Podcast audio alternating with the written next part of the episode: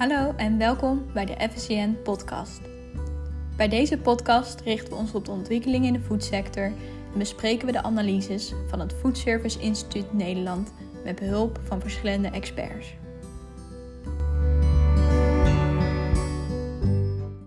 Vandaag bij de FCN podcast spreken we met Dries Beugels. Hij is directeur Food Service Nederland bij de Sligo Food Group. Ook spreek ik met Jan-Willem Gievink, vaste gast van de FCM-podcast en directeur-oprichter van het Food Service Instituut Nederland. Welkom Dries Beugels en Jan-Willem Gievink.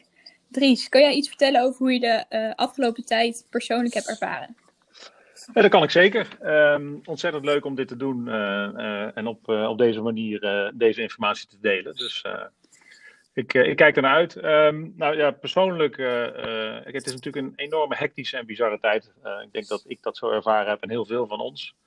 en heel persoonlijk heb ik de afgelopen weken ook wel ontzettend genoten van mijn, van mijn gezin.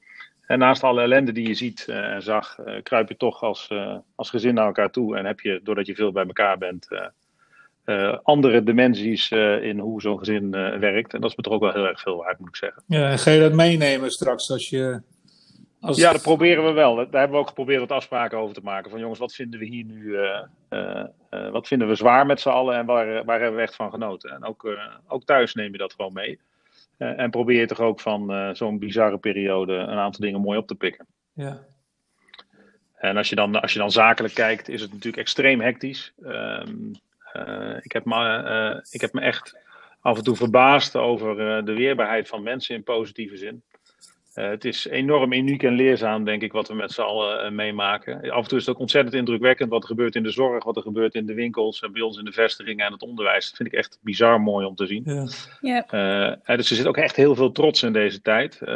trots op onze klanten, op onze mensen en ook wel een beetje op ons, op ons land, denk ik. Ja. Hoe we dit met, met elkaar doen. Nou, hopen dat we dat vast kunnen houden en dat we snel weer naar voren kunnen gaan kijken. Ja, jij zit ook in een soort helikopterdries. Hè? Je kijkt ook van, van, vanuit jouw rol een beetje van bovenaf naar de hele situatie. Wat is nou jouw grootste zorg als je kijkt naar de horeca? Nou, die zorg um, uh, nu, hè, die, die is natuurlijk nogal aan verandering onderhevig. Uh, want in het begin heb je de onzekerheid, uh, heb je de afbouw, heb je het crisismanagement. inmiddels is die zorg wel hoe gaan we met z'n allen uit deze situatie komen en hoe ziet de markt er dan uit?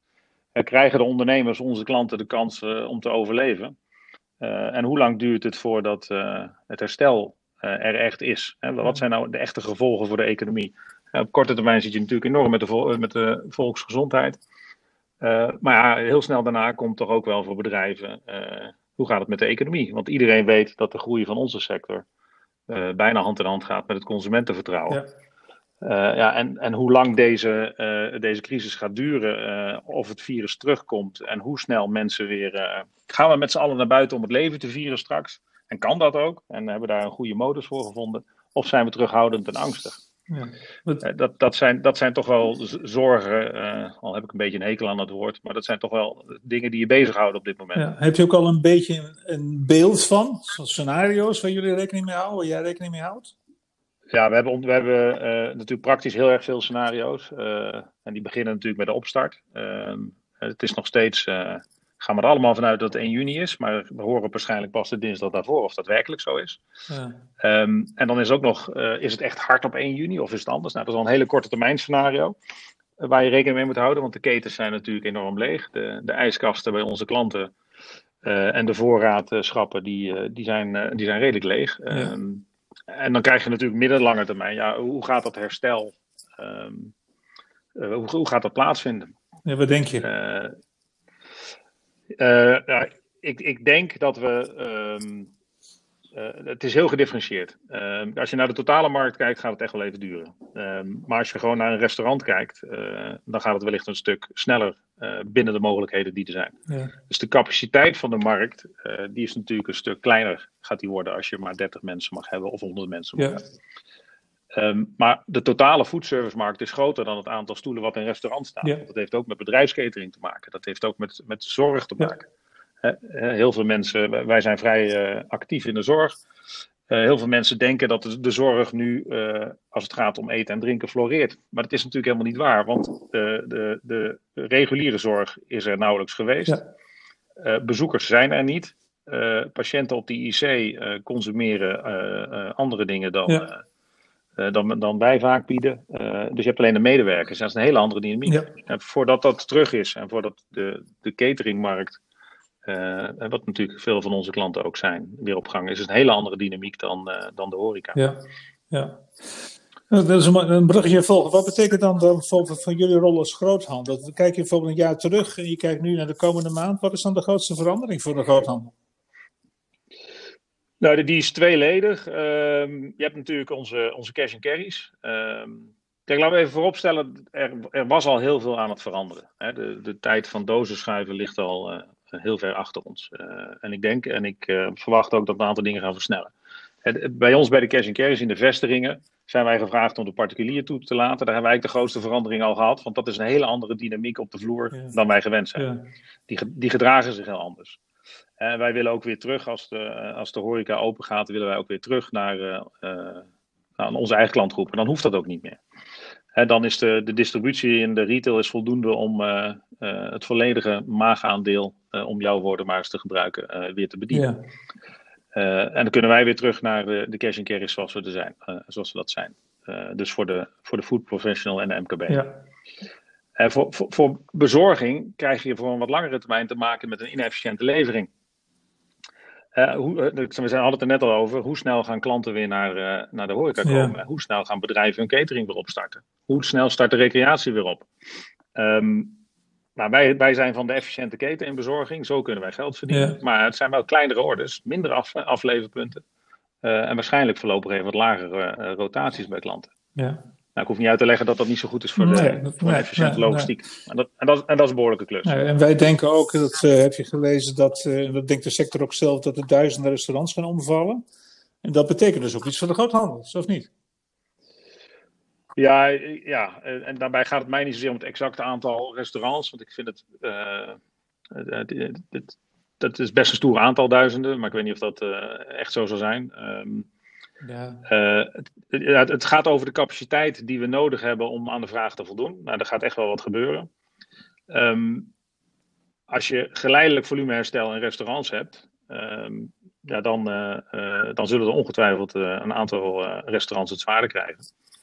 Um, en zul je goed moeten kijken hoe je klanten kan helpen. Dat is ook iets, een ding waar wij nu ontzettend mee bezig zijn wij worden meer dan ooit gevraagd om niet alleen maar de spullen te leveren, maar om ook echt te helpen met oplossingen. Ja. Uh, zodat zij zich kunnen richten in waar ze goed in zijn, namelijk uh, er zijn voor hun klanten. Ja, hoe kun, kun je er een voorbeeld van geven? Want dat is inderdaad een rol die jullie al aan het doen waren. Die zal dus meer worden, begrijp ik.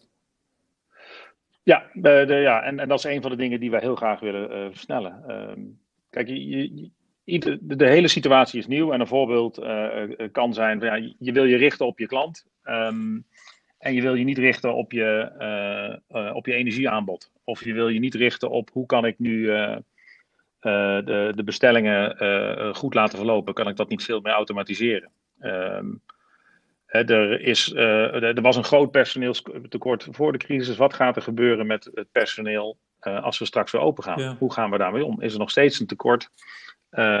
En zijn er voldoende chefs? Of moeten we meer aan convenience oplossingen gaan denken? Ja. Uh, of veel dichterbij en praktischer. Uh, er zijn 4391 verschillende soorten uh, schermen om afstand te houden. Wat is nou de juiste? Ja. Nou, wij, wij hebben nu mensen gericht om ervoor te zorgen dat wij daar ons in, in, kunnen adviseren en kunnen zeggen: Nou ja, er zijn heel veel oplossingen. Wij denken dat deze vijf goed gaan werken, hebben we ook getest. doe er je voordeel mee. Ja. Dat, dat is een voorbeeld. Ja, en je gaat ze ook helpen met het nieuw nadenken van de verdienmodellen, neem ik aan. Dat uh, uh, omloopsnelheid, rotatiesnelheid, uh, menuprijzen. Zeker. Ja. ja. Ja, dat proberen we al te doen. En, en nu is een goed moment als je daar als ondernemer headspace voor hebt. Ehm, ja, je ziet natuurlijk heel veel verschillen bij ondernemers. de klusbedrijven en de verbouwingsbedrijven, die hebben er ook wel bij gevaren, denk ik, de afgelopen maanden. Ja. Want een aantal tenten zijn echt verbouwd. Hè, en die vloer die er een keer vervangen moest worden omdat er een lekkage in zat, ja, dat kan nu, want je bent gewoon dicht. Um, en dat soort ondernemers zijn, er, zijn ook echt bezig met van hoe kan ik er nu voor zorgen dat ik in deze nieuwe situatie een goede tent kan runnen. voor anderen is het veel dichterbij. kan ik mijn vakantiegeld volgende week betalen? en en daar, hoef je, daar moet je nog even niet komen met: kan ik je helpen met je menu-engineering? dan kun je alleen maar adviseren hoe die daarmee om moet gaan. Ja, ja dus heel gedifferentieerd wordt jullie rol wat dat, dat betreft. Ja, ja. En, en het mooie vind ik wel om te zien dat bij heel veel van de ondernemers in de horeca uh, het gastheerschap, of het gastvrouwschap als dat een Nederlands woord is, uh, en het besef dat de horeca een hele duidelijke rol speelt uh, in de sociale interactie in ons land, zie je bij heel veel ondernemers terugkomen. Ja. Je begon er straks al mee, dat leven vieren. Dat is misschien wel een van de, van de tools die de horeca wel kan oppakken. Hè? Dat is van, en dat hoeft niet alleen met 30 mensen in de zaak te zijn, dat kun je op allerlei manieren doen natuurlijk. Ja, en, ik, en ik hoop, maar dat is ook een beetje mijn persoonlijke aard, uh, dat mensen dat ook echt gewoon gaan doen. Met respect voor alle regels die er zijn. Ja. En, um, uh, en ervoor zorgen dat um, een klant zich veilig voelt in je tent. Uh, hè, de hygiëne op orde is, dat soort ja. zaken. gaan daar enorm bij helpen. Als de horeca kan laten zien hoe zij omgaan met de maatregelen die als beperkend kunnen worden gezien als ze dat weten te buigen naar een kans om ervoor te zorgen ja. dat je toch de plek bent daar waar je het leven kan vieren. Ja, jongens, dan hebben wij zelf in de hand hoe snel het herstel gaat. Ja, ja. En dan, uh, je hoort de overheid, of de, sorry, je hoort de banken al zeggen van het is natuurlijk niet zo dat we rukzichtloos krediet gaan geven aan ondernemers waarvan we twijfelen over de lange termijn haalbaarheid. En dat geldt voor jullie als leveranciers groothandel, dat geldt precies hetzelfde. Hoe doe je dat nou? Bepalen wat voor soort klanten je straks wel of niet wil hebben. Ja, dat is, dat, is een, dat, is een, dat is een hele lastige vraag, want er is niet echt sprake van kiezen. Het zijn onze klanten. Hè? En, en de rol als groothandel moet je uh, daar heel zorgvuldig mee omgaan. En kun je een, ik ga kiezen houding ook niet echt permitteren, denk ik. En we hebben allerlei soorten klanten, van, van, van cafetaria tot sterrentent, uh, van ondernemer tot sportkantine, uh, noem maar op. En, en de klant is nog altijd degene die bepaalt of wij zijn euro's bij jou besteed. Dat wil niet zeggen dat je uh, alles maar moet uh, voorfinancieren. Of, ja, dat laatste bedoel ik dan met name, hè? dus debiteurenbeheer en dergelijke. Ja. Ja, nou, wij, wij kennen onze klanten vrij goed. Uh, wij, wij geloven in die combinatie tussen veel mensen op de, op de weg, gecombineerd met, met vestigingen waar wij ook de klant kunnen ontmoeten. Um, en wij, dus we kennen ze vrij goed. en wij proberen ze daar waar mogelijk ook te helpen om in die eerste periode waar cashflow heel erg belangrijk is, uh, om die wat makkelijker door te komen. Ja. Ja. En, en je, je, probeert daar gewoon de goede partner te zijn. Ja. Um, ja, en heel veel meer kun je, kun je niet doen, want uh, je kunt je voorstellen dat uh, met een, een omzet die, die behoorlijk teruggelopen is, wij ook zorgvuldig met centen moeten zijn, zoals we altijd zijn. Ja, ja daarom, daarom ook die vraag natuurlijk. Want ik, wat ik dan hoor is dat je inderdaad debiteurenbeheer uh, belangrijker gaat worden voor de groothandel. Dat je misschien ook wel gesegmenteerde afspraken maakt. Hè. De, waar de cashflow is minder riskant is, kun je misschien anders handelen dan daar waar het wel is. Ja, dus ken je klant. Ja. Dat moet je ja, kunnen inschatten. Ja, dat zeg je. En, dat is, en dat, dat is gewoon heel erg belangrijk. Um, ja, en, en wij, wij willen de partner zijn voor, uh, voor de food professional. En wij hopen dat we dat de afgelopen tijd in de afbouw uh, hebben laten zien richting onze klanten en ook richting onze leveranciers. Ja. Uh, dat we dat ook daadwerkelijk zijn. En dat zullen we ook in de opstart moeten doen. Uh, binnen de mogelijkheden die wij als, als bedrijf ja. hebben. En zie je ook concepten die het gewoon moeilijk kan krijgen, gaan krijgen vanwege die overheidsmaatregelen waar het amper haalbaar is? Kun je daar voorbeelden van geven?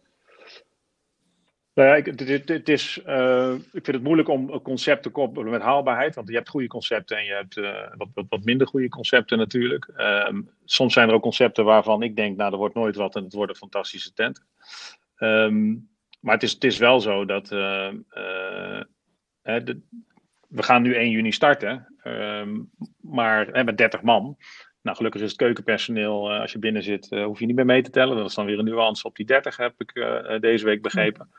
Um, maar het blijft natuurlijk wel maar een klein aantal. En als jij een, een all-you-can-eat concept hebt met 400 stoelen, dan is het best lastig om op te starten met 30 man. In veel gevallen heb je meer personeel dan, dan die 30 man ja. daar rondlopen. En daarvan zie je ook, wij zijn nu ontzettend vaak en veel in gesprek met onze klanten. Hoe gaan jullie dat doen en wat verwachten jullie? Ja, dan hoor je ook gewoon, ja, wij wachten even tot de 100 man. Want het heeft voor ons niet zoveel zin om met 30 man om ja. te gaan. Ja.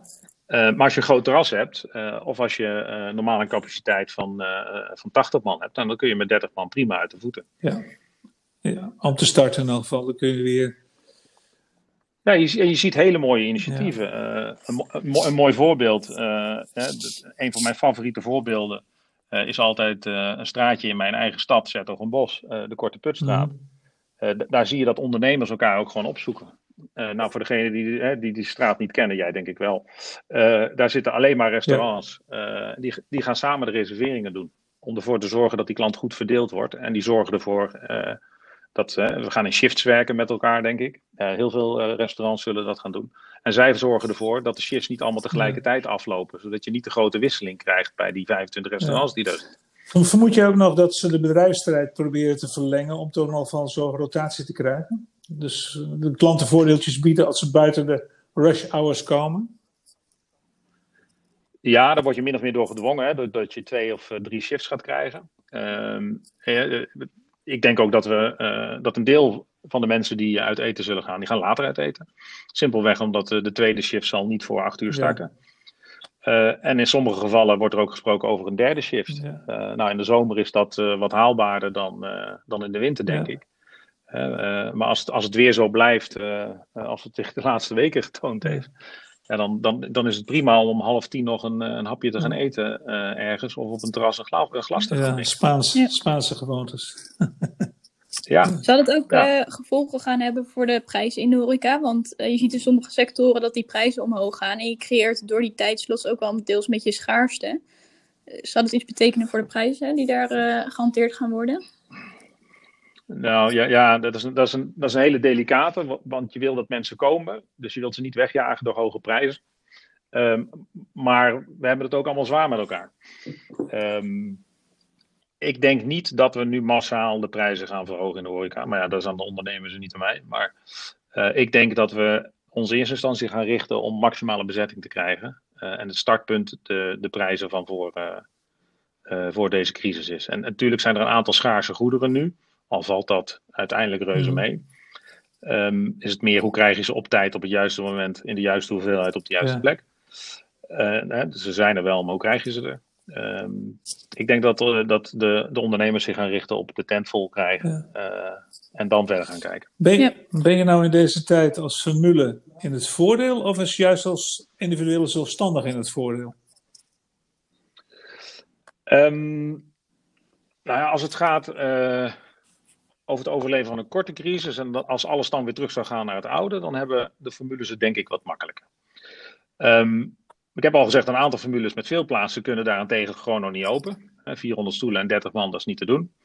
Uh, als je snel moet schakelen en als het langer gaat duren. En, de, formules zijn denk ik wat minder flexibel dan de individuele ondernemer. Hè, de zelfstandige creatieve ondernemer. Die is veel flexibeler om zijn tent aan te passen dan de formule dat is.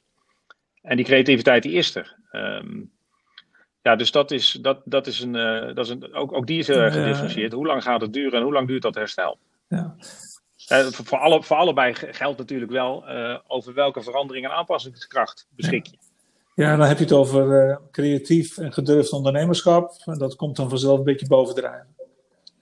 Ja, en je klanten goed ja. kennen. Hè? Dus, dus als een ondernemer weet wie zijn vaste gasten zijn en die, hij weet wat daar leeft en speelt.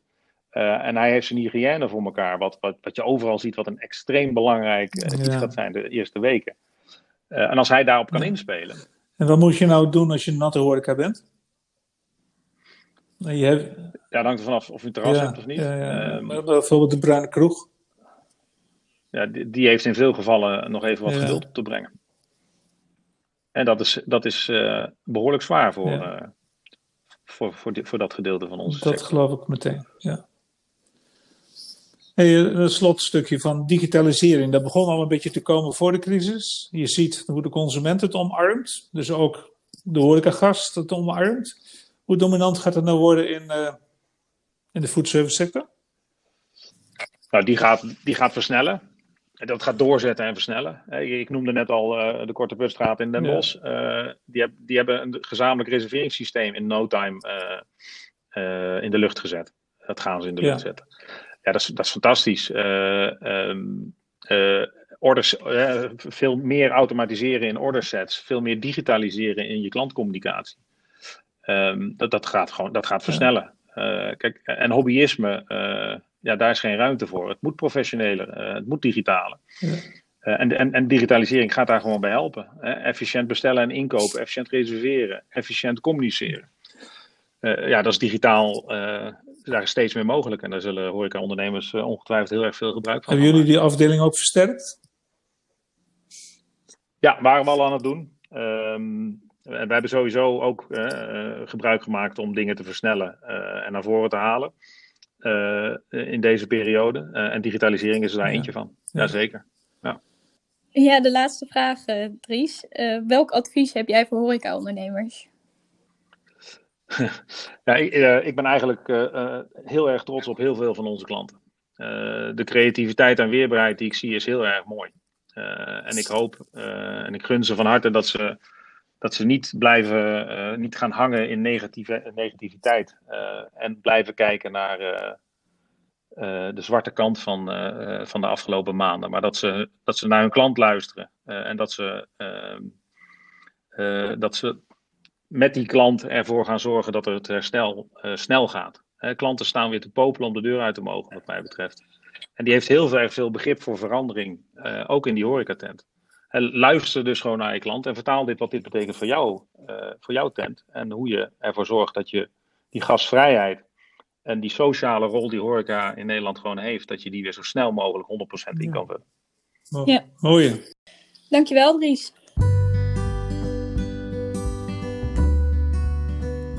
Wil je meer weten over de impact van het coronavirus op de voedsector? Kijk dan op fscm.nl/slash corona. Volg het Foodservice Instituut Nederland op LinkedIn of luister volgende week naar een nieuwe aflevering van de podcast. Heb je een vraag die we in een volgende aflevering moeten bespreken? Stuur dan een spraakbericht in of stuur je vraag naar info.fscm.nl. Voor nu bedankt voor het luisteren en tot een volgende keer.